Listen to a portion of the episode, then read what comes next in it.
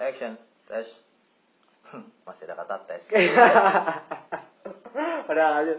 Oke, selamat datang di podcast sederhana. Eh, podcast apa nih namanya? Apa apa bebas. Kita perkenalkan diri Bebas. dulu aja. Oke. Eh, di sudut kanan ada JW Saputro. Ya, halo semuanya. Beliau Sebagai apa Kak Jay Saputro?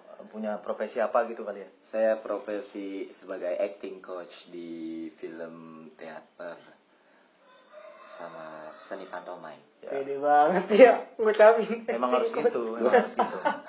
Oke, saya Ini sederhana kan? sederhana. Sederhana. Sederhana. Jangan terlalu kagum, Siap. biasa aja.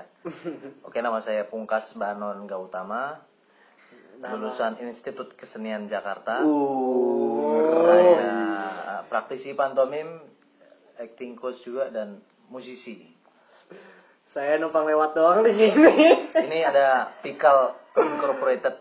Eh, halo podcast Mas Banon, saya Pikal Ing. Podcast podcastnya Pikal juga ini. Iya, Halo, halo, podcast podcast, Pikal. sederhana. saya Pikal Ing kembali lagi di podcast sederhana. Ya, Pikal ini. Pikal juga seorang musisi dan seniman juga di Jakarta. Banyak seniman di sini ya. Seniman. Oh kirain gue doang. Kita i- iya, Oh, enggak ya? semua orang seniman. Oh, nah, semua mungkin hari ini seniman. hari di mana kita harus stay home, tetap di rumah karena ada wabah virus corona. Daripada nggak ngapa-ngapain, Kita ngobrol di podcast. ngobrol di podcast iya, gitu. iya. Dan temanya adalah seni gitu. Iya, Cara seni. Apa nih jadi yang kita mau mau- yang mau kita bahas? Ya tadi gue pikir apa tadi lu pertanyaan? Gue pikir semuanya seniman, bukan apa? Eh, iya, gue pikir eh, gila seniman semua nih. Seniman semua nih ya ternyata kalau dipikir-pikir semua orang itu seniman. Kenapa tuh? Bisa oh berpikiran semua orang seniman. Apa definisi? Aduh susah ternyata jawabnya. Enggak, memang semua orang itu seniman tapi ada levelnya, ada kadarnya gitu. Ya kita berangkat daripada arti seni itu sendiri sih kalau menurut gue gitu. Aha. Apakah arti seni itu? Kalau Yo, apa yo? secara umum sih seni itu keindahan. Ya, Ya, eh, tapi kan banyak banget eh, seniman-seniman, terutama yang apa sih eh, me- mempa- mem- mempublish eh, definisi-definisi dia sendiri. Ya, eh, ada banyak peneliti juga yang Hmm. yang mengartikan atau mendefinisikan seni itu juga pastinya tidak jauh dari keindahan. Pasti seni itu berhubungan dengan keindahan. Seni itu adalah pelampiasan jiwa seseorang. Seni itu membersihkan jiwa sehingga membuat orang menjadi lega, katarsis, penyucian jiwa sehingga ketika orang melihat seni itu atau orang menghasilkan yang menghasilkan yang memproduksi akan merasa seperti kelangenan. Kelangenan itu bahasa Bali yang artinya ingin merasakan kembali, ingin merasakan kembali, ingin menonton lagi, ingin terus menerus dan lagi dan lagi. Kangen kali ya? Kangen, kangen kayak Oh, kelangenan kangen, tuh kangen. kata bahasa Bali itu kayak miss. ingin terus menerus gitu. Tapi kalau dilihat, itu. kalau dilihat ya eh, seniman, Se- eh, seni itu adalah keindahan. Sedangkan setuju apa enggak sih kalau keindahan itu selera? Iya, ada kadarnya lagi. Ada itu ada yang istilahnya keindahan universal yang disepakati banyak orang. Nah, itu yang Hmm. yang ingin yang harusnya jadi tujuan banyak seniman Oh. sehingga dia disetujui, dinikmati, bermanfaat bagi eh, sebanyak mungkin orang meskipun nggak gampang itu menciptakan sebuah seni yang universal keindahannya gitu. Ya banyak persoalan daripada kata arti seni itu sendiri termasuk lu tadi kan masih meragukan arti eh, seni sebagai keindahan gitu kan. Iya. Nah, Ya. sebenarnya keindahan eh, keindahan ini kan ambigu masalah selera atau bukan. Ya. Jadi kalau misalkan kita nggak selera berarti nggak indah dong. eh makanya balik lagi kepada arti dari kesenian itu sendiri. Eh, saya balik lagi kepada ungkapan Banon tentang semua adalah seniman. Ya nggak sih? Hanya kadarnya aja yang membedakan Membedakan. Level. pelaku Level. seni yang katakanlah mumpuni dan tidak gitu ya. Tapi saya ada kadar level atau tidak, saya pribadi punya pengertian tentang seni itu sendiri dan mungkin makna ini akan menimbulkan persoalan eh, akan meminimalisir persoalan Apa apa? dari arti seni itu sendiri. Apa definisi seni menurut Mas Bi? Ada dari seorang tokoh seniman juga, beliau juga dosen di Institut Kesenian Jakarta, Aha. khususnya di seni rupa. Mhm. Dia juga terlibat di beberapa film legenda film sejarah di Indonesia. Dia juga dia seorang legenda juga. Beliau mengartikan seni yang saya sangat setuju. Apa tuh? Art is life. Wis. Seni adalah kehidupan. Seni adalah kehidupan. Seni seni adalah kehidupan sehingga kalau kita balik lagi kepada eh, semua adalah seniman ya Mhm. karena gue menyetujui bahwa seni adalah kehidupan sehingga siapa pun bisa menjadi seniman toh seberapa besar atau rendahnya sebe- seberapa tinggi atau rendahnya eh, level beberapa dari pelaku seni kan? Aha. kita ketika kita melihat ada satu warna katakanlah yang kita sebut itu sebagai seni. Aha. sebagian orang mengatakan bahwa itu indah ya tapi sebagian lain mengatakan ah enggak karena memang seleranya Ya. bukan dia gitu Ya, seni Tapi- itu indah dan seni itu selera. Iya, Ya. tapi kalau kita mengartikan bahwa itu adalah kehidupan, Aha. ya, ya tetap suka nggak suka, selera tidak selera, ya itulah kehidupan, itulah seni. Ya, suka atau tidak suka kalian hidup itu adalah kehidupan. Kehidupan itu adalah seni Iya, iya. itu menurut menurut apa ya ungkapan dari seorang seniman di Institut Kesenian Jakarta. Beliau dosen yang gua ambil. Dan gua sih setuju. Siapa namanya? Siapa ya? Gue lupa namanya. Gue lupa. Namanya. Gue lupa. Udah lama nggak ke kampusnya Kak Banon tercinta? Enggak, eh, memang awal mulanya saya juga menyetujui kalau seni berhubungan dengan keindahan. Terus saya mendengar dosen, ada profesor, saya lupa namanya, botak orangnya di YouTube ada. Dia menulis buku tentang fungsi seni. Kemudian saya mendapatkan pengertian baru tentang seni. Ternyata seni itu tidak selalu berhubungan dengan keindahan. Buktinya ada seorang fotografer yang ikut lomba Pulitzer dan WordPress kompetisi fotografi dunia gitu. Yang juara satu adalah seorang dokter ini dia memotret pasien-pasiennya At- atau ini eh, kan dia dokter bedah sehingga dia memotret orang-orang yang pernah dia bedah Khususnya terburai dengkulnya atau lututnya kelihatan tulangnya Iya. terpisah dari jempol dan kaki Aha. segala macam itu malah dia yang juara satu lomba fotografi di tingkat dunia WordPress dan Pulitzer. Dia juara satu. Padahal apa indahnya? Nah itu dia. Itu seperti nah. Akan bertolak belakang. Ah, nanti. memang dosen filsafat itu mengatakan tidak selalu berhubungan dengan keindahan. Seni ternyata yang jorok begitu bisa indah gitu. Seperti juga dia mencontohkan eh, lukisan Avandi yang nggak jelas nggak nggak jelas nggak bisa dinikmati orang awam lah. Apa ini indahnya apa nih? Warna-warna nggak jelas nggak ngerti saya gitu. Indahnya Aha. nah absurd memang. Iya.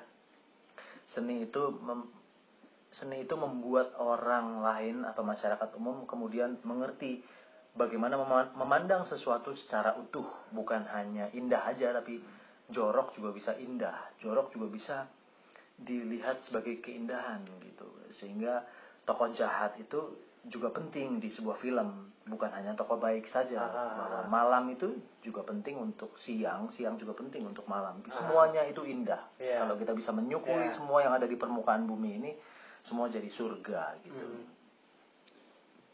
satu ungkapan yaitu pengembangan gue daripada cerita Banon tadi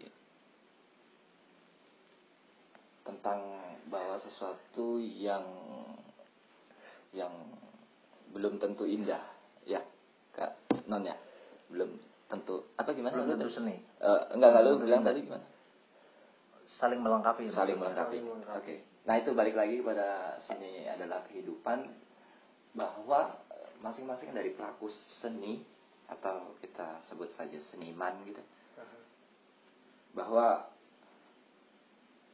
tugas seorang seniman itu nggak cuman sebagai pelaku seni di daripada eh, sesuatu tertentu saja tapi banyak hal yang mereka juga harus pelajari ya beberapa lain contoh adalah dia harus belajar antropologi dia harus belajar fisika Oke. dia harus Oke. belajar banyak hal Oke. Itu makanya resiko daripada seni kehidupan tuh seni adalah kehidupan tuh seperti itu mau di seni acting atau seni peran mau di seni rupa Ini musik. seni musik harus seni keindahan kan di seni rupa harus lebih kepada semuanya. lebih kepada identik kepada ini kan seni rupa kalau kita bicara seni adalah keindahan Iya. gue rasa kok kayaknya apa terbatas gitu loh Iya. ya seni itu makanya kan coba untuk menggapai bahwa seni itu luas ya ya gue mencoba untuk menyetujui seni itu adalah kehidupan contoh dari ceritanya Banon tadi adalah seorang dokter yang ikut lomba fotografi Aha. kemudian dia foto Aha. pasiennya yang lagi mengalami insiden terus dia foto gitu kan Mayat sih sebetulnya. Eh, Lebih ke mayat-mayat Oh, yang sudah mayat. mati. Iya. Ya apa ya? Ya real dalam kehidupan memang memang ada gitu lah dan Apa dia adanya. gambarkan. Iya, iya. Iya, apa adanya. Tapi- makanya digambarkan. Setuju apa enggak kalau seni itu bersangkutan sama karya? Setuju apa enggak? Ada kucing tuh. Jadi karya. Iya. Seni itu bersangkutan dengan karya. Iya, iya. Bener. Karya itu kan buah, buah, buah dari pikiran gitu. Jadi karya itu kayak budaya. Budaya itu ada kira-kira ada tiga macam lah. Saya gue lupa dulu tentang kebudayaan itu ada bukunya. Jadi budaya itu enggak cuman barang yang sudah jadi seperti kain yang ada di eh, Medan tuh kain apa? Songket. songket lah atau sarung atau eh, segala macam nggak cuman barang jadi tapi sesuatu yang di pikiran manusia itu juga jadi budaya sekarang budayanya K-pop nah misalkan nah itu juga budaya dulu tapi budaya budaya dulu adalah hasil budaya itu juga awalnya pertama dari pikiran kemudian jadi budaya ucap kemudian jadi buah eh, yang terwujud jadi yang belum terwujud pun itu juga budaya dan itu adalah karya Makanya semua orang adalah seniman, saya bilang tadi, dan makanya seni adalah kehidupan. Semua orang adalah seniman. Kenapa? Karena karyanya Pikal, karyanya Banon, karyanya Jay itu ternyata sudah terjadi. Seperti misalkan kita keluar rumah, kita tidak sengaja memakai baju merah, memakai sepatu kuning, eh, celana jeans biru, itu adalah karya kita, karya lukis kita. Kita tidak sengaja telah melukis diri kita dengan kaos warna seperti itu, sepatu seperti itu, gitu-gitu. Oh, oke. Eh, Terus makanya semua orang berkarya sebenarnya, cuman mereka mungkin mereka tidak sengaja, kadang-kadang mereka tidak sadar ini adalah masa ini karya gue, nah, ter- terserah lu, lah ngapain lu eh, pakai baju seperti itu, itu cara melukis lu. Ada kan orang yang nggak jelas dia memakai baju eh, salah warna lah, nggak cocok lah, nah itu karyanya dia, jangan dimarahin Hmm, memang itu eh, pengetahuan seninya seperti itu. Ada juga tukang pecel lele di sini dan di sana, kenapa rasanya beda, kenapa enakan di sana? karena dia berkarya dengan hati yang satunya mungkin nggak terlalu dengan hati hanya mementingkan uang sehingga tidak ada keindahan di sana jangan dibilang tidak indah bukan seni itu juga seni cuman ada kadarnya itu dia Hmm. Kalau kata-kata yang kita ucapkan juga karya sastra gitu iya iya iya. yang sehari-hari gitu Iya. Tapi kan nggak nggak semua orang bisa terima kalau apa semua orang itu seniman yang kalau yang mana kalau eh, mungkin ada ada orang yang beranggapan eh, karya itu yang yang hanya yang di yang dikonsep yang eh, yang dipikirkan yang gitu-gitu. Yang nggak disengaja nggak termasuk kategori karya. Mungkin ada sebagian orang yang bilang kayak gitu. Gimana kalau ada orang-orang yang berpikiran kalau karya itu hanya eh, yang berkonsep yang ber eh, harus dipikirkan matang-matang. perenungan gitu. ya gimana? Eh, karya terkonsep dan tidak terkonsep pada akhirnya dia jadi satu karya juga satu hal yang berhubungan dengan itu saya alami pada waktu saya pentas di Solo teater pada waktu itu. Mhm. ada beberapa konsep eh, ada satu improvisasi yang saya buat. Terkonsep ataupun tidak terkonsep itu sah-sah saja gitu. Karena pada waktu itu saya melakukannya dengan spontan Hmm. Eh, entah jatuhnya dia terkonsep atau tidak gitu Oke. hanya saja yang ada di benak pikiran saya pada waktu on the stage pada waktu di atas panggung Oke. ketika action eh, apa yang keluar dari pikiran saya waktu itu saya keluarin aja gitu. Oke, oke. dan Oke. akhirnya selamatlah saya dari omelan dosen Oke. waktu itu Berarti yang tidak terkonsep itu adalah Karya. suatu konsep. Nah itu, itu. kalau kalau kalau saya saya nggak tahu apa karya yang tidak terkonsep itu adalah satu kon, satu konsep pada akhirnya Iya. Iya ya itu yang mungkin orang-orang biasa sebut Iya. improvisasi Iya. saya nggak tahu eh, jelasnya itu konsep yang terkonsep atau benar-benar tidak terkonsep saya nggak tahu yang Iya. pasti di dalam kehidupan kita sehari-hari Iya. semuanya seni sih Iya. seni memang konsep dari Tuhan Iya. memang seni memang udah diset dibuatan manusia ya itu udah melalui proses settingan Iya. gitu-gitu sih kalau menurut saya dalam kehidupan sehari-hari kalau kita lihat di jalan itu buat saya ada satu kita bisa sebut ruang Mhm. karya Mhm. dari Tuhan kalau Mhm. menurut saya gitu Mhm. jadi art is life Hmm. itu menurut saya Oke. Oke. gimana coba Ya, eh, ini ini eh, itu dia seni itu kemudian kita belajar tentang hal gaib sebetulnya eh, kayak Reza Rahasia. Reza dong Enggak, ini kita oke gue jadi ngobrol. Tapi benar, eh, kita belajar tentang hal gaib ini, hal yang tidak tersentuh, hal yang tidak bisa didengar cuman pakai telinga, hal yang tidak bisa dilihat cuman dengan pakai mata. Hmm, oke. Eh, seni itu kemudian diartikan sama Putu Wijaya di bukunya lagi-lagi. Sok-sok saya pakai referensi bukan pamer. Hmm, karena saya suka sekali dengan buku itu seni itu kata Putu Wijaya. Seorang bapak teater juga di Indonesia. Seni itu kabur tapi juga sekaligus tajam dia bilang gitu. Seni itu pura-pura tapi juga sekaligus sungguh-sungguh. Seni itu bohong tapi sekaligus jujur gitu Contohnya bagaimana? Dia mencontohkan karena dia seniman teater juga di atas panggung ketika Anda mendapatkan adegan ditampar sama teman main atau lawan main itu jujur. Iya, itu jujur.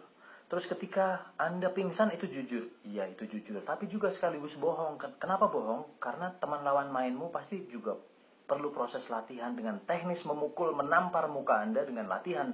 Jadi tidak serta-merta jujur betulan ditampar dan pingsan betulan. Kalau pingsan betulan Anda, anda tidak bangun di atas Oke. panggung sehingga re- merepotkan teman-teman yang lain untuk menggotong Anda dan repot untuk memainkan babak selanjutnya atau ketika peluru ditembakkan di eh, dalam film itu bukan peluru beneran tapi dimainkan secara jujur tangisnya juga secara jujur tapi juga sekaligus bohong gitu dan akhirnya eh, yang terkonsep dan tidak terkonsep itu seperti eh, saling melengkapi paradoks maksudnya saling melengkapi itu adalah seolah-olah bertentangan tapi juga sekaligus melengkapi Se- seolah-olah bertentangan tapi juga melengkapi maksudnya Hmm. Oke, oke. saya melihatnya kalau itu kan lebih kepada spesifik seni peran ya Mhm. tapi mungkin juga ada kok saya jadi mengkotak-kotakan gitu tapi juga bisa berlaku untuk seni di seni yang lainnya gitu seni rupa. Semua manipulasi saudara-saudara. Dia seperti sulap. Saya juga pelaku acting juga. Mhm. saya pelaku seni khususnya di seni peran. Saya merasa dari pengalaman saya bahwa ada hal-hal yang memang sepertinya kayak sulap Aha. dia manipulasi Aha. dia trik macam Aha. kayak Banon bilang bahwa ketika ada adegan dia ditampar Aha. dia sungguh-sungguh tapi pura-pura gitu saya merasa bahwa itu adalah sebuah trik di seni pantomim dah contohnya Oke. ada beberapa gerak yang memang eh, gua punya niat mata lo ke salah satu sudut di salah satu tubuh gue Hmm. itu trik gue lagi melakukan sulap Hmm. nih gue yakin lu melihat pergerakan tubuh gue sekecil apa pun Hmm. Eh, ketika itu saya tidak mensinkronkan antara tubuh satu dengan tubuh yang lain dan itu kan ada satu pandangan yang dahsyat di mata penonton gitu. kalau menurut gue banyak manipulasi yang memang ada di seni peran khususnya eh menurut gue ya Iya, tadi tadi kan Mas Banon bilang kalau sen- semua orang itu seniman. Hmm. Tapi apakah semua orang bisa uh, bilang kalau mereka itu seniman? Nah, eh, makanya semua orang itu seniman, tapi ada kadarnya, ada levelnya, ada mahomnya, makom, makom itu Kelas. Iya. tingkat kelasnya, ada Iya. tingkatannya, ada yang seniman kelas 1, 2, 3, 4, 5, 6 SD. Mungkin perbedaannya adalah dengan kesadaran lagi-lagi. Ketika dia sadar memakai baju ini demi untuk agar bisa menyenangkan orang lain kalau saya pakai baju ini keluar rumah, pakai celana ini, itu akan membuat orang lain lebih enak melihat saya dan melihat me- kalau saya memakai parfum atau ti- tidak bau atau segala macam dengan itu kan parfum itu juga sebuah karya seni Iya. kalau dia bau ketika meeting itu nggak jadi kerjaannya. Sehingga dia harus memikirkan hal itu bagaimana orang lain akhirnya bisa nyaman dengan dia bisa enak dilihat enak didengar enak dicium dirasa. Meskipun jarak satu meter kan itu mengganggu meeting sekali karena ada contohnya misalkan. Itu itu harus disadari. Kalau dia nggak sadar itu mengganggu kehidupannya juga. Balik lagi ke pilihan sih. Pada dasarnya menurut saya bahwa masing-masing manusia itu seniman dasarnya Oke. dasarnya cuman Nah, ada levelnya iya dasarnya tinggal dia milih Aha. dia mau naik kelas seperti yang Kak Banan bilang Aha. ketika dia milih untuk oke gua akan mengembangkan ini maka dia ja- ja- akan jadi pelaku seni Hmm. ya toh ya Oke. tapi ada yang sebenarnya sadar ataupun tidak disadari bahwa manusia pada dasarnya seniman gitu loh. Cuman kalau pilihan kita sebagai pelaku seni kan akhirnya mencoba untuk eh, meningkatkan diri. Ya karena kita ada di di bidang ini gitu. Akhirnya kita mau nggak mau meningkatkan diri mengembangkan diri dengan cara dengan cara pencarian belajar terus menerus mungkin kalau orang lain eh, selain kita mungkin pilihan dia tidak ke sini tapi pada dasarnya mereka seniman. Menurut gue gitu sih. Di Tinggal tingkat pilihan. di tingkat mana? Kan ada profesi sebagai seniman ya. Sedangkan semua orang itu kan tadi definisinya semua orang itu seniman. Tapi di tingkat mana? sa- eh, sampai orang itu bisa ngejudge diri dia sebagai seniman.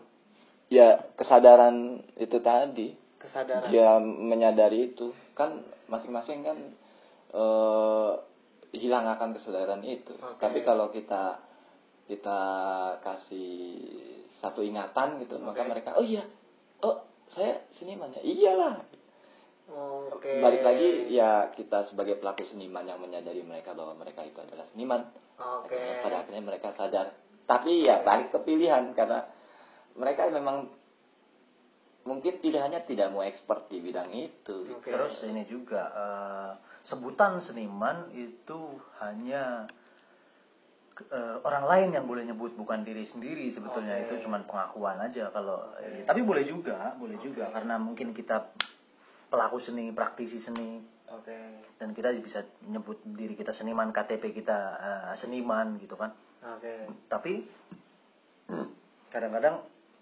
seniman kok kayak gitu gitu misalkan Oke. orang lain nah orang lain mah terserah nyebut kita sebagai eh, eh, seniman atau bukan terserah Nah, mereka. Tapi yang nah. penting kita terus meningkatkan selera kita mendidik selera. Nah itu Oke. pen- PR kita untuk eh, ke masyarakat juga itu agar kita bisa mendidik lidah masyarakat agar nggak makan yang yang eh, nggak sehat dan cita rasanya tinggi. Juga jangan nonton sinetron yang nggak jelas. Juga harus punya cita rasa sinetron yang tinggi atau film yang bagus. Jangan Oke, film oke.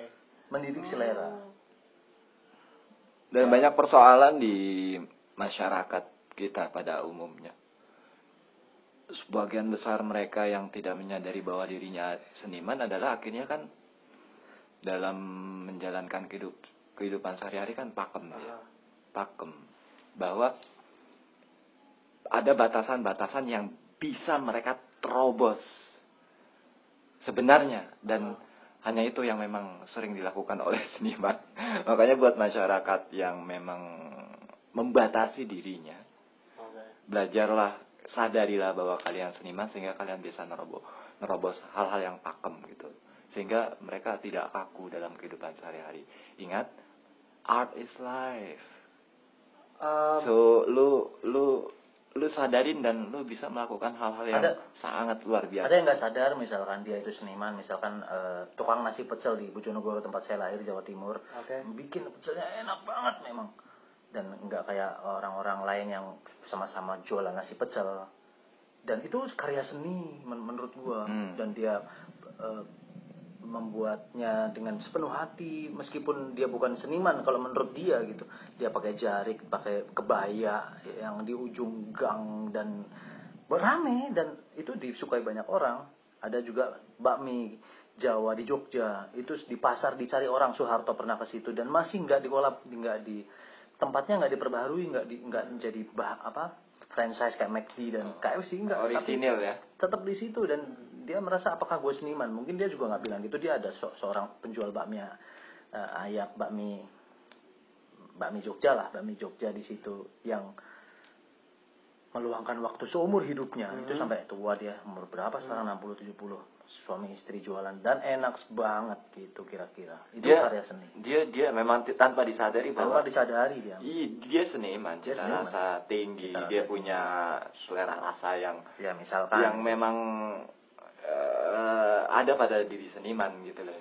Dan lagi-lagi persoalannya dengan masyarakat yang tidak menyadari sehingga timbul pemikiran-pemikiran yang kaku gitu kan Iya, iya. eh dengan pemikiran yang kaku kan tidak muncul kreativitas yang indah pada akhirnya kan. Hmm. beberapa dari orang yang yang yang yang ada di tingkat atas lah Oke. yang berkaitan dengan pemerintahan yang berkaitan dengan negara Hmm. kita ngomongin di Indonesia Hmm. gitu. saya tidak menyaksikan secara langsung pada waktu itu saya lihat bener saya lihat di beberapa video di YouTube Mhm. melihat bahwa beberapa pemimpin di Indonesia pada zaman dulu ketika dia mengimbangi kehidupan eh, eh, bidangnya dengan seni Mhm. mereka berjalan beriringan Hmm. maka ada hal-hal unik yang yang ada pada diri mereka gitu Hmm. secara retorika dia berpidato gitu juga kalau gua lihat ya zaman dulu ya. siapa Eh, ya Soekarno misalnya ya Karno misalkan dengan retorika puisinya juga dia sutradara teater juga Soekarno. saya rasa karena memang Bukan saya rasa ada bu- ada bukunya juga Oh, saya pernah bukunya, baca. oke. Dia pernah nyutradarai pas dibuang di mana Indi ya. JND jiwa Teater. seninya nempel sehingga kan jadi sosok apa ya a- ada dalam hatinya ada satu kelunakan gitu loh Hmm, ketika mencampurkan dirinya dengan Hmm. seni gitu loh Hmm. ketika dia menyadari bahwa dirinya adalah seniman gitu Hmm.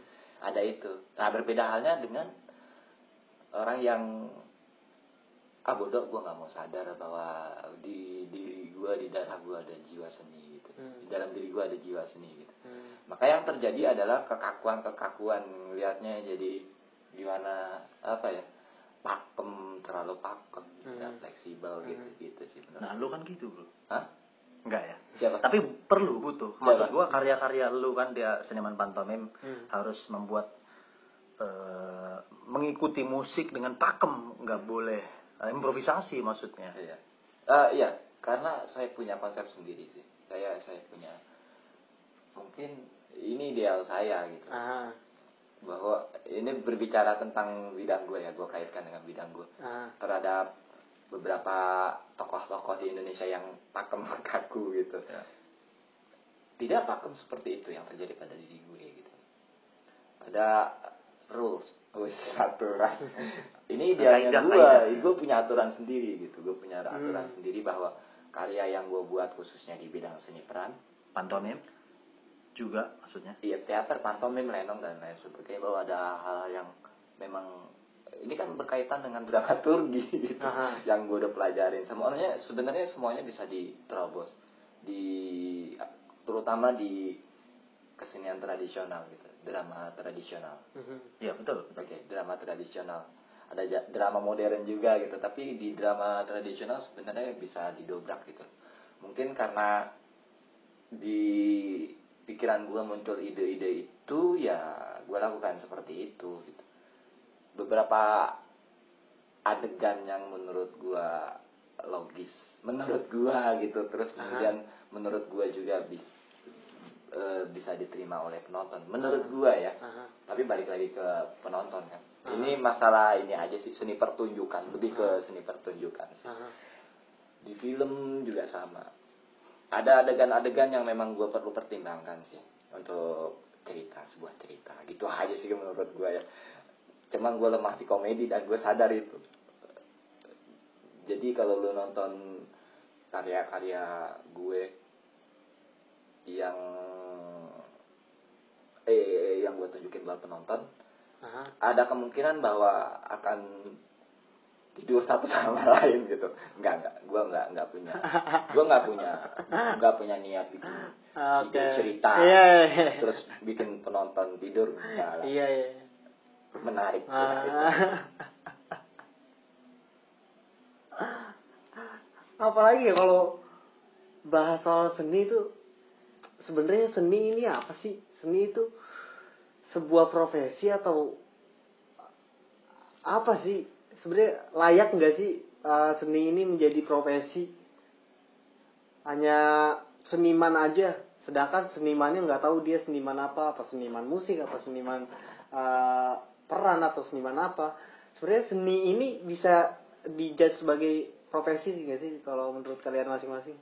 itu pilihan semua sih kalau menurut gua balik lagi Hmm. balik lagi menurut gua itu semua pilihan lu mau jadiin seni ini sebagai profesi lu lu mau menjadikan seni ini lu praktekkan dalam kehidupan sehari-hari Hmm. ya terserah. Pilihan dari masing-masing pelaku sih. Kalau menurut gua untuk tingkatan-tingkatan expert sih lazim aja sih wajar aja kalau dia menjadi profesi. Bagi dirinya seni itu. Oke. Lazim-lazim aja. Asal expert ya. Asal expert. expert. Ya. ya itu maksudnya? Ya expert itu memang dia pengalaman. Profesional, jago. jago. Dia Berkualitas. dia belajar dia dia belajar melakukan pencarian pencarian menurut gua sih gitu. Kalau yang ecek-ecek kalau bisa ya jadi ini aja. Jadi apa?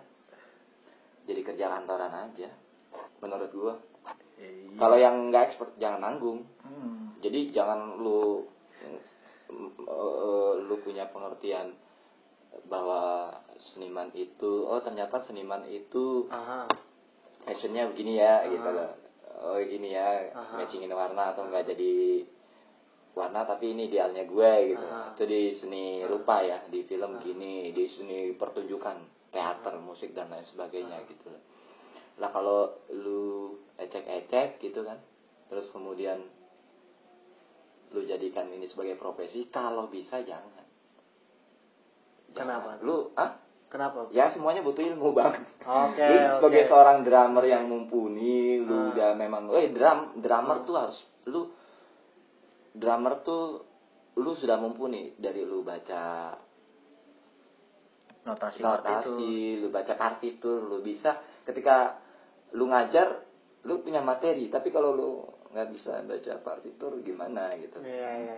Ya, itu aja sih kalau menurut gua seni peran lu sebagai seorang aktor gitu lu juga harus belajar kemanusiaan seperti apa belajar tentang eh, kehidupan manusia kehidupan tumbuh-tumbuhan kehidupan alam semesta seperti apa Oke. lu belajar tentang hewan lu Oke. belajar tentang ketuhanan kayak apa karena kita kan akan ke sana arahnya kan Oke. ya nggak dapat naskah Iya. tentang kemanusiaan terus lu gak paham Ah. itu keren Nah menurut itu eh, pencarian Pencarian, atau terus. ilmu itu memang lagi-lagi tidak selalu didapat dari sekolah gitu. Iya. Ya oke lah eh, IKJ, isi atau ilmu-ilmu seni. Iya, iya. Eh, ilmu bisa didapat dari mana aja di jam-jam luar sekolah dan siapa pun bisa menjadi guru bahkan anak kecil pun pernah menjawab pertanyaan saya yang tidak terjawab oleh dosen ketika saya nanya di kampus misalkan. Nah tentang profesi ini orang-orang kadang-kadang juga saya juga ter- kadang terkecoh juga misalkan eh, saya mijitin lu kal Hmm. gue mijitin lu karena gue sayang sama lu lah atau mis gue mijitin Mas Etian lah Hmm. atau gue mijitin siapa terus dipikir gue tukang pijit gitu kan Hmm. padahal gue gue mijitin lu bukan karena tukang pijit karena gue pengen mijitin temen aja gitu.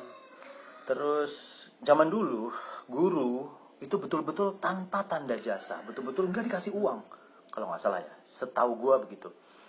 Betul-betul ya maksud gue bukan nggak dikasih uang ketika mungkin orang tuanya pengen membalas jasanya guru anaknya dulu kan nggak ada sekolah. Dulu tuh kalau orang pengen belajar sosiologi no belajar no sama Pak Bambang misalkan. Diketokin rumahnya Pak Bambang semuanya ngumpul di rumah Pak Bambang belajar tentang sosiologi misalkan. Atau be- belajar sama Pak Andi. Pak Andi pintar matematika Iya, kamu benar. ke sana. Dulu gitu. Mikrofonnya bang nah gitu. Nggak apa-apa nggak apa terus seperti itu sehingga kita ngumpul di rumah gurunya terus terserah orang tua bayar pakai pisang kayak mau pakai apa pun nggak dibayar juga nggak masalah. Zaman dulu seperti itu. Jadi guru juga bukan profesi sebetulnya. Nah sekarang kan kebalik-balik. Orang melamar lah menjadi guru sehingga dia merengek-rengek menjadi guru terus pengen diterima sebagai guru dan pengen diakui sebagai guru. Bah bahkan sebetulnya anak kecil SD pada- Dipaksa. bukan kan nggak maksud saya. Oh. karena kecil SD yang bermain-main di samping rumah saya saya lagi ngelamun dia ngobrol sendiri tuh sama temennya. Tiba-tiba saya nengok dia obrolannya dia nih kurang ajar. Si ini anak menjawab pertanyaan saya yang tidak terjawab oleh dosen saya. Berarti anak kecil ini guru saya. Gitu. Loh bahwa semua orang Iya, itu iya. bisa menjadi guru. Iya. semua orang itu guru semua tempat adalah sekolah gitu kira-kira. Iya. dan tentang seni susah. Nah sekarang kan orang sholat subuh dibayar bro. Ada. Iya. orang sholat subuh dibayar. Lu pikir imam profesi. Lucu anda gitu kan? Ketika ustadz sebagai profesi lucu kamu gitu.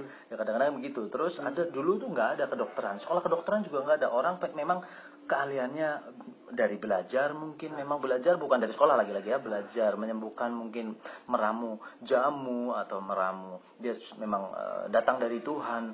Nggak belajar tentang ortopedi. Dia bisa menyambungkan tulang satu dengan tulang lain dengan mijit misalkan atau eh, dari Cina tabib bisa nyembuhin orang lain itu bukan karena sekolah kedokteran. Aha. atau eh, dia dia menolong orang lain bukan karena gue nyembuhin anak lu bayar gue segini. Enggak. Oke, oke. dia karena membantu orang lain dan keikhlasannya dia dibayar berapa ya ya gue bantu lu lu bayar gue terserah nggak dibayar juga nggak apa-apa. Sebetulnya kayak dulu kebijaksanaannya begitu. Bukan Oh. karena uang Kenapa bisa berubah budayanya? Nah itu karena keserakahan kayaknya, kayaknya ya. Sehingga orang pengen lebih kaya dibanding orang lain, pengen lebih banyak uang ya dibanding orang orang lain. Karena kalau lu kaya, gue menghormatin lu. Ketika misalkan gue sudah belajar agama, misalkan ini fenomena yang mengerikan juga. Gue udah belajar aga- agama dari pesantren 6 tahun sampai kuliah di UIN berapa tahun. Gue mengajar agama ke mana-mana. Terus ada nih orang nggak belajar agama. Misalkan Islam lah. Hmm. gua udah pondok pesantren segala macam sampai bertahun-tahun sampai gua bisa ngajarin orang ngaji segala, segala macam. Itu proses 30 tahun. Terus ada orang yang tidak pernah belajar agama tidak pondok pesantren tidak kuliah di eh, Arab dan lain sebagainya atau UIN Oh, Ti- oke. tidak mengerti agama sama sekali. Oke. terus tiba-tiba tapi dia punya banyak uang bisa mendirikan masjid bisa membangun pesantren. Gua cium tangan sama dia. Tiba-tiba menjadi kalah ilmu saya sama dia sehingga ustadz-ustadz cium tangan sama orang kaya. Karena orang kaya itu bisa menjadi ustadz dadakan karena hanya karena dia bisa bangun pondok pesantren. Sehingga akhirnya orang kaya lebih dihormati. Oh orang kaya dihormati. Akhirnya semua orang berlomba-lomba ingin jadi orang kaya. Iya, jadi terbalik-balik ya. Terbalik-balik. Hmm. kita kira-kira Ya, keserakahan sih. Ya itulah di Indonesia. Mungkin yang keserakahan ya cuman kita belajar dari pada sejarah Indonesia pada waktu itu ya. Mungkin banyak yang menginfiltrasi kita pada waktu. Entah di tahun berapa di zaman tahun berapa gitu. Mhm. kalau yang Banon bilang bahwa proses belajar murid pada waktu itu adalah ya bukan door to door seorang guru Mhm. nyamperin muridnya tapi memang Murid muridnya nyamperin yang nyamperin di gurunya kalangan kayak belajar silat. di kalangan pesantren juga sama. Ketika dia mau belajar ilmu tertentu dia datang ke kiai tertentu. Ketika dia mau coba intens belajar maka dia izin sama gurunya untuk sama kiainya untuk saya mau melanjutkan pendidikan. Saya mau tinggal di sini dengan membangun satu kobong lah kalau bahasa Bantennya kobong lah di tanahnya kiai maka ketika si kiai mengiz- mengizinkan maka dibangunlah satu kobong oleh Ya. santri yang mau belajar itu Ya. sehingga kita kita eh, orang menyebutnya ini jadi pesantren kan Hmm. awalnya memang seperti itu sih dari dari dari seorang murid yang datang pada gurunya ya balik lagi ketika infiltrasi dari negara luar masuk ke Indonesia maka terbentuklah hal-hal seperti itu dan menjadi budaya. Dan syukur alhamdulillah alamin mungkin oh, Banon bilang nauzubillah misalnya kalau gue alhamdulillah alamin jadi satu peradaban kan? Bukan budaya lagi udah peradaban, peradaban apa? bahwa peradaban keserakahan. Ya peradaban itu tingkatan dari masyarakat. Jadi mem, Enggak peradaban apa dulu nih? Ya peradaban tentang kebalik-balik tadi. Iya. iya. Ketika Budaya, murid budaya. eh, kalau Banon bilang budaya tapi kalau gue alhamdulillah udah jadi peradaban. Ye itu peradaban. Harusnya kan peradaban hancur maksud gua. kalau nggak gitu nggak kiamat kiamat iya soalnya apa? Ya. berakhir nih. Iya. Kehidupan ini ya kan? Iya makanya kan apa namanya? Eh terbolak balik itu kan memang ya unik. jadi punchline. Ya ya kita. Sebenarnya gue mau ngarepin gue nggak harapin tapi terjadi. Akhirnya ya gue ya gue syukurin aja lah dengan peradaban yang luar biasa itu. Akhir pada akhirnya dari murid nyamperin guru terus pada akhirnya guru nyamperin murid yang ngelamar merengek pada akhirnya bahwa terjadilah eh, guru udah dipandang sebelah mata gitu bergantilah pengusaha yang yang menempatkan sisi guru itu tadi. Kalau menurut gue derajatnya guru yang tinggi terus posisinya dirubah menjadi seorang pengusaha yang disembah-sembah. Gitu.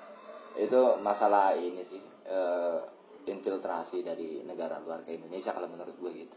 Merubah budaya kalau lu ya. Iya, iya. itu sih kalau menurut gue gitu. Harusnya juga kan eh, itu guru itu yang ketika eh, murid yang ngerasa ada yang sudah diajarkan, muridnya merasa sudah diajarkan, yang ngejat eh, yang nilai dia guru dia dia guru gua nih, dia guru gua itu adalah muridnya. Eh, eh. yang udah diajarkan betul bukan nah itu dia itu bukan dia. gurunya yang Bukan bilang, gurunya yang "Ini bilang murid gua guru. nih." gitu Gua enggak guru- gitu. bukan. Enggak gitu.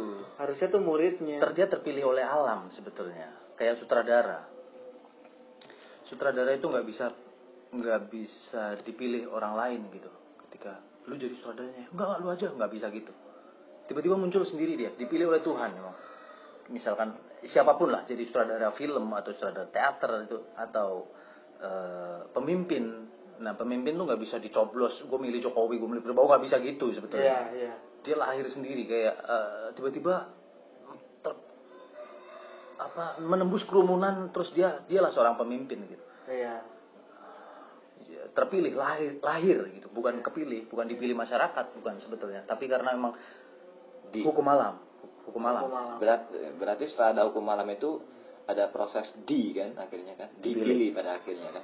Disetujui disepakati diterima. Nah. tapi udah kebolak balik sih sekarang mah melewati proses Ya, seleksi alam seleksi. udah udah kebolak balik sih sekarang yang guru di tingkat teratas udah di udah tergantikan sama pengusaha sih udah.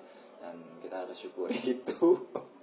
Pengusaha tuh pengusaha gimana? maksudnya maksudnya dia konglomerat kali. Iya Orang udah yang punya banyak udah duit. coba Oh. aja. Lu nyembah guru apa nyembah pengusaha? Pasti mayoritas lebih menghormati ya, mungkin konglomerat ya. daripada guru. Iya, iya, iya. Meskipun konglomeratnya bodoh, gitu. Nah. makanya sebetulnya orang-orang kaya ini meskipun dia lulusan SD, kalau dia kaya dia akan meng-hire atau mencari karyawan yang lulusan S1.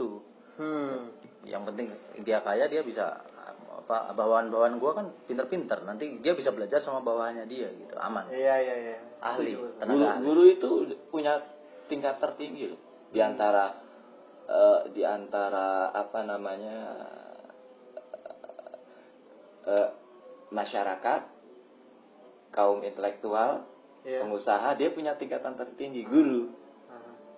makanya dulu di Indonesia yang sangat dipercaya adalah ya Syekh Maulana ya kalau bahasa kita guru-guru gitu lah orang-orang yang benar-benar alim orang-orang yang Iya. berilmu lah secara akademis secara keilmuan dulu orang Indonesia. Dulu tapi ya. Sebelum ada sekolah. dulu Iya. sebelum ada sekolah. Itu yang paling dipercaya. Iya, iya. jadi ketika lu mau dakwah sesuatu entah itu kesenian entah itu Betul, matematika. agama apa pun lah keilmuan Bidang apa pun, apa pun ya. Bidang apa pun. lu harus jadi guru. Lu harus jadi syekh lu harus jadi orang berilmu kalau enggak nggak bakal percaya orang Indonesia. Dulu eh bukan Indonesia dulu ya. Dulu belum jadi Indonesia belum jadi Indonesia. Nggak bakalan percaya. Belum ada gitu. belum ada. Lu nih pedagang lu dakwah Islam. Nggak laku. Pun kalau nggak bakal laku. Makanya yang masuk masuk sini kan orang berilmu. kalau menurut saya nih ya, menurut saya eh, orang pun nantinya semua orang pun akan menjadi guru. Jika eh, definisi guru itu mengajarkan, menurunkan ilmunya, semua orang pasti akan menurunkan ilmunya. Dan fungsi fungsinya ilmu pengetahuan tuh bukan untuk diri kita sendiri, bukan untuk era ini, tapi untuk diturunkan, untuk eh, nantinya untuk ke depannya bentuk regenerasi. Regenerasi. Pasti semuanya mau itu eh, guru-guru kecil yang cuma ngajarin anaknya doang yang cuma ngajarin eh, eh, jangan berisik atau eh, tetangga yang marahin tet- eh, tetangganya juga. Nyuruh apa jangan ada aktivitas malam apa gimana. Pokoknya semuanya semua hal-hal yang melarang itu kan apa ada ada ajaran di situ Hmm. ada ajaran ini semua ajaran itu kan disangkut pautkan sama eh, guru ketika orang udah menurunkan atau mengajarkan itu berarti kan bisa bisa dibilang sebagai guru Oh, iya. Cuman kadarnya itu guru juga ada Ya, kadarnya lagi-lagi ada kadar. ada kadarnya Dan kadang-kadang dia tidak sadar kalau dia itu guru. Iya. Contohnya anak kecil SD yang telah menjawab pertanyaan saya gitu. iya makanya eh, buat siapa pun perlu banyak belajar lah melakukan pencarian pencarian belajar terus gitu supaya kita mendapatkan satu kebenaran tapi yang memang benar-benar bukan mutlak iya satu pemikiran untuk ke arah yang lebih baik lagi sih kalau menurut saya gitu. Kalau buat saya sih bukan apa ya setiap orang itu nggak bisa dipaksain belajar.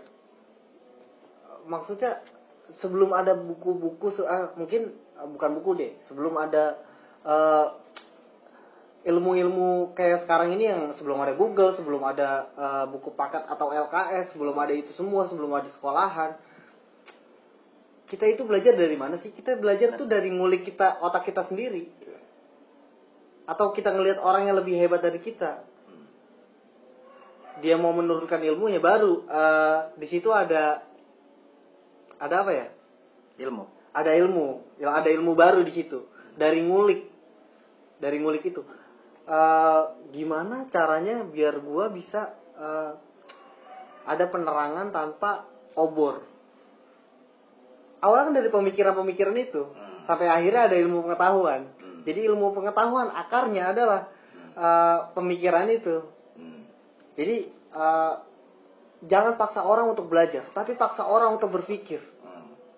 kalau be- kalau belajar mungkin orang eh, hanya akan kayak contoh gini eh, kita belajar kita belajar bahwa planet planet yang kita tahu ini di tata surya itu ada ada tujuh. Sedangkan 10 tahun lagi eh, Pluto udah dihilangkan. 10 tahun lagi Pluto ada lagi. Itu kan ilmu pengetahuan yang yang Bisa berubah-ubah. bisa berubah-ubah. Hmm. lebih baik orang berpikir. Suruh orang untuk eh, biasakan untuk berpikir bukan untuk belajar. Gue pikir berpikir adalah satu salah satu proses dalam pembelajaran sih kalau menurut gue Hmm. gitu. Ketika orang belajar pasti pikiran bermain gitu. iya Sama halnya kalau kita baca naskah di teater atau eh, skrip film gitu-gitu. Terus kemudian baca kehidupan sehari-hari juga kalau menurut gue sih. Emang benar-benar dalam dalam proses belajar ya menurut gua sih pasti akan ada proses berpikir juga gitu loh. Kalau menurut gua sih itu yang itu yang dilakukan yang memang semestinya wajib sih kalau menurut gua dilakukan oleh beberapa seniman. Sehingga untuk meningkatkan mutunya dia untuk menjadi menjadi eh, seorang seniman yang expert kalau menurut gua yang berkaitan dengan profesi itu tadi. Menurut gua ya tapi sekarang kan eh, definisi belajar tuh budaya budaya belajar udah berubah kayak nggak kayak dulu. Kalau dulu kita disuruh belajar ya kita disuruh datang ke eh, orang yang berkompeten. Hmm. bukan dengan buku-buku atau eh, paten-paten yang udah dipatenkan. Bukan itu. Tapi zaman sekarang kalau kita disuruh belajar belajar kamu di rumah ya kita disuruh baca buku kalau kita nggak baca buku ya kita nggak belajar Eh, yang orang-orang tahu kan gitu sekarang budayanya Bias kata lagi-lagi. bias kata ya Kata-kata jadi melenceng maknanya tentang belajar aja gitu gitu. Iya. Tapi ini kan kaitannya dengan instansi kita. Ya mau nggak mau kita mau nggak mau sih ya karena kita mengalami proses belajar di instansi maka mau nggak- mau nggak mau materi-materi yang memang udah diadain ya itu yang akan kita jadikan sebagai panduan kita gitu karena yang Hmm. memang yang jadi acuan nilai kan itu nah Hmm. beda halnya dengan belajar di dalam kehidupan sehari-hari di luar sekolah gitu Mhm. ya belajar ya nggak sama kalau di instansi ya ketika lu nulis gitu skripsi gitu Mhm. pasti ada referensinya menurut siapa dalam Iya. ini Nggak- bisa menurut saya gitu Iya. eh lu jago Iya. kalau berani tapi ketika lu di kehidupan real nyata di Iya. dalam kehidupan sehari-hari di luar instansi Nah, lu harus punya menurut saya gitu iya Menurut gue, penelitian gitu. saya. menurut gue Karena dia sudah melakukan proses penelitian sampai subuh kita loh nih. Eh, gue suka statementnya lagi-lagi Putu Wijaya. Kita tidak bisa lepas dari belajar di kehidupan sehari. Di setiap detik sebetulnya kita sudah belajar. Kita melihat sesuatu kita belajar. Mhm. Kita mendengar sesuatu kita belajar. Mhm. Kita ke mana kita belajar. Kita nggak bisa lepas dari kata nggak belajar. Di mana pun kita sebetulnya belajar iya berpikir nah itu bel- belajar adalah berpikir betul dan harus eh, terus berpikir jalan terus banyak banget aspek-aspek di dalam belajar kan sebenarnya. Yang mengobservasi analisa betul sekali mengamati ya. betul sekali. Itu Menyimpulkan. ya- itu, yang harus dilakukan. Betul sekali. Itu yang memang harus dilakukan oleh seniman. Itu- membaca. Semua orang. salah satu jadi resikonya seniman harus cerdas. Itu salah satu ya. Hati-hati. Makanya jangan jadi seniman. Karena lu harus cerdas. Kalau enggak nggak usah gitu. Jadi ini aja orang kantor. PNS jadi PNS aja. Terus seniman juga ada orang yang bekerja di kantor dan PNS juga ada yang Iya, seniman udah Iya. bagus kalau gitu. Berarti dia masih bisa menggunakan otaknya buat berpikir. Kita sampai subuh nih. Iya. Karena banyak banget udah yang kita bahas di eh, podcast kali ini nih. Yoi. Dari keren. dari seni.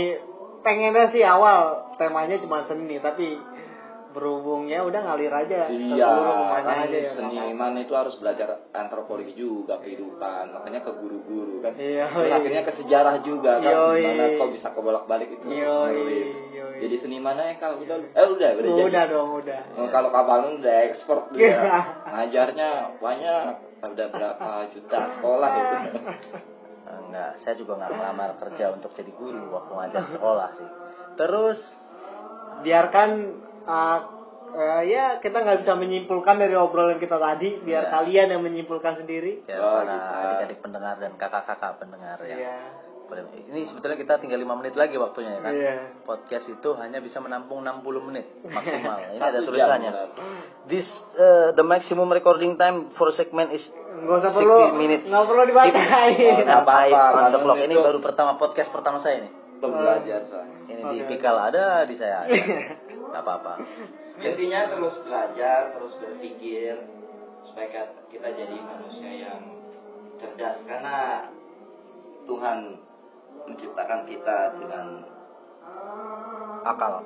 dengan tubuh yang luar biasa kita dipinjemin ya nggak sih Yoi. sehingga dengan itikat baik. Dipinjemin rental. rental Tuhan rental uh, daging. Rental tubuh. Rental Rental. jiwa, jiwa nggak cuma tubuh loh. Jika kita dikasih jiwa juga punya Tuhan, kita dikasih tubuh semua punya Tuhan. Iya. makanya kita bersyukur kemudian aplikasikan rasa syukur itu untuk menggunakan dengan sebaik-baiknya Iya.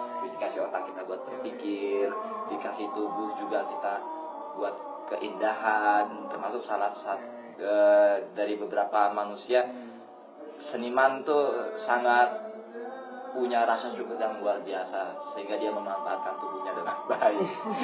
Dia beri keindahan buat khalayak banyak untuk proses di seni peran terus Iya. kemudian di seni rupa kemudian Sastra, literasi, seni seni sinema. rupa, seni musik dia dengan suaranya. seni musik Itu juga gitu. Indah kok luar biasa art is life Seni rupa dengan ketam- penampilan fashionnya dan tato yang nempel di tubuhnya mungkin ya kan. Yoi, yoi. Semua itu adalah seni. Seni adalah kehidupan Tapi itu dia. tetap ada kadarnya. Ini kenapa nih? Oke kita Oke, akhiri. Kita akhiri podcast ini. Semoga kita sholat subuh bersama-sama. Mari. semoga ya. Semoga. Salat zuhur kalau ada kalau di sana zuhur. nah ini hari apa nih bang Jumat. Jumat ini Jumat kalau tapi kan ini bisa hari apa aja didengerin. oh iya iya, iya. bisa kapan aja. Ya, terima kasih. Sekian dari kita bertiga. Ya, oke. Terima kasih. Terima kasih dan sampai jumpa. Tikal Ya, Incorporated, Baron Gautama dan saya JW Saputro Pamit undur diri. Oke, Dan dah.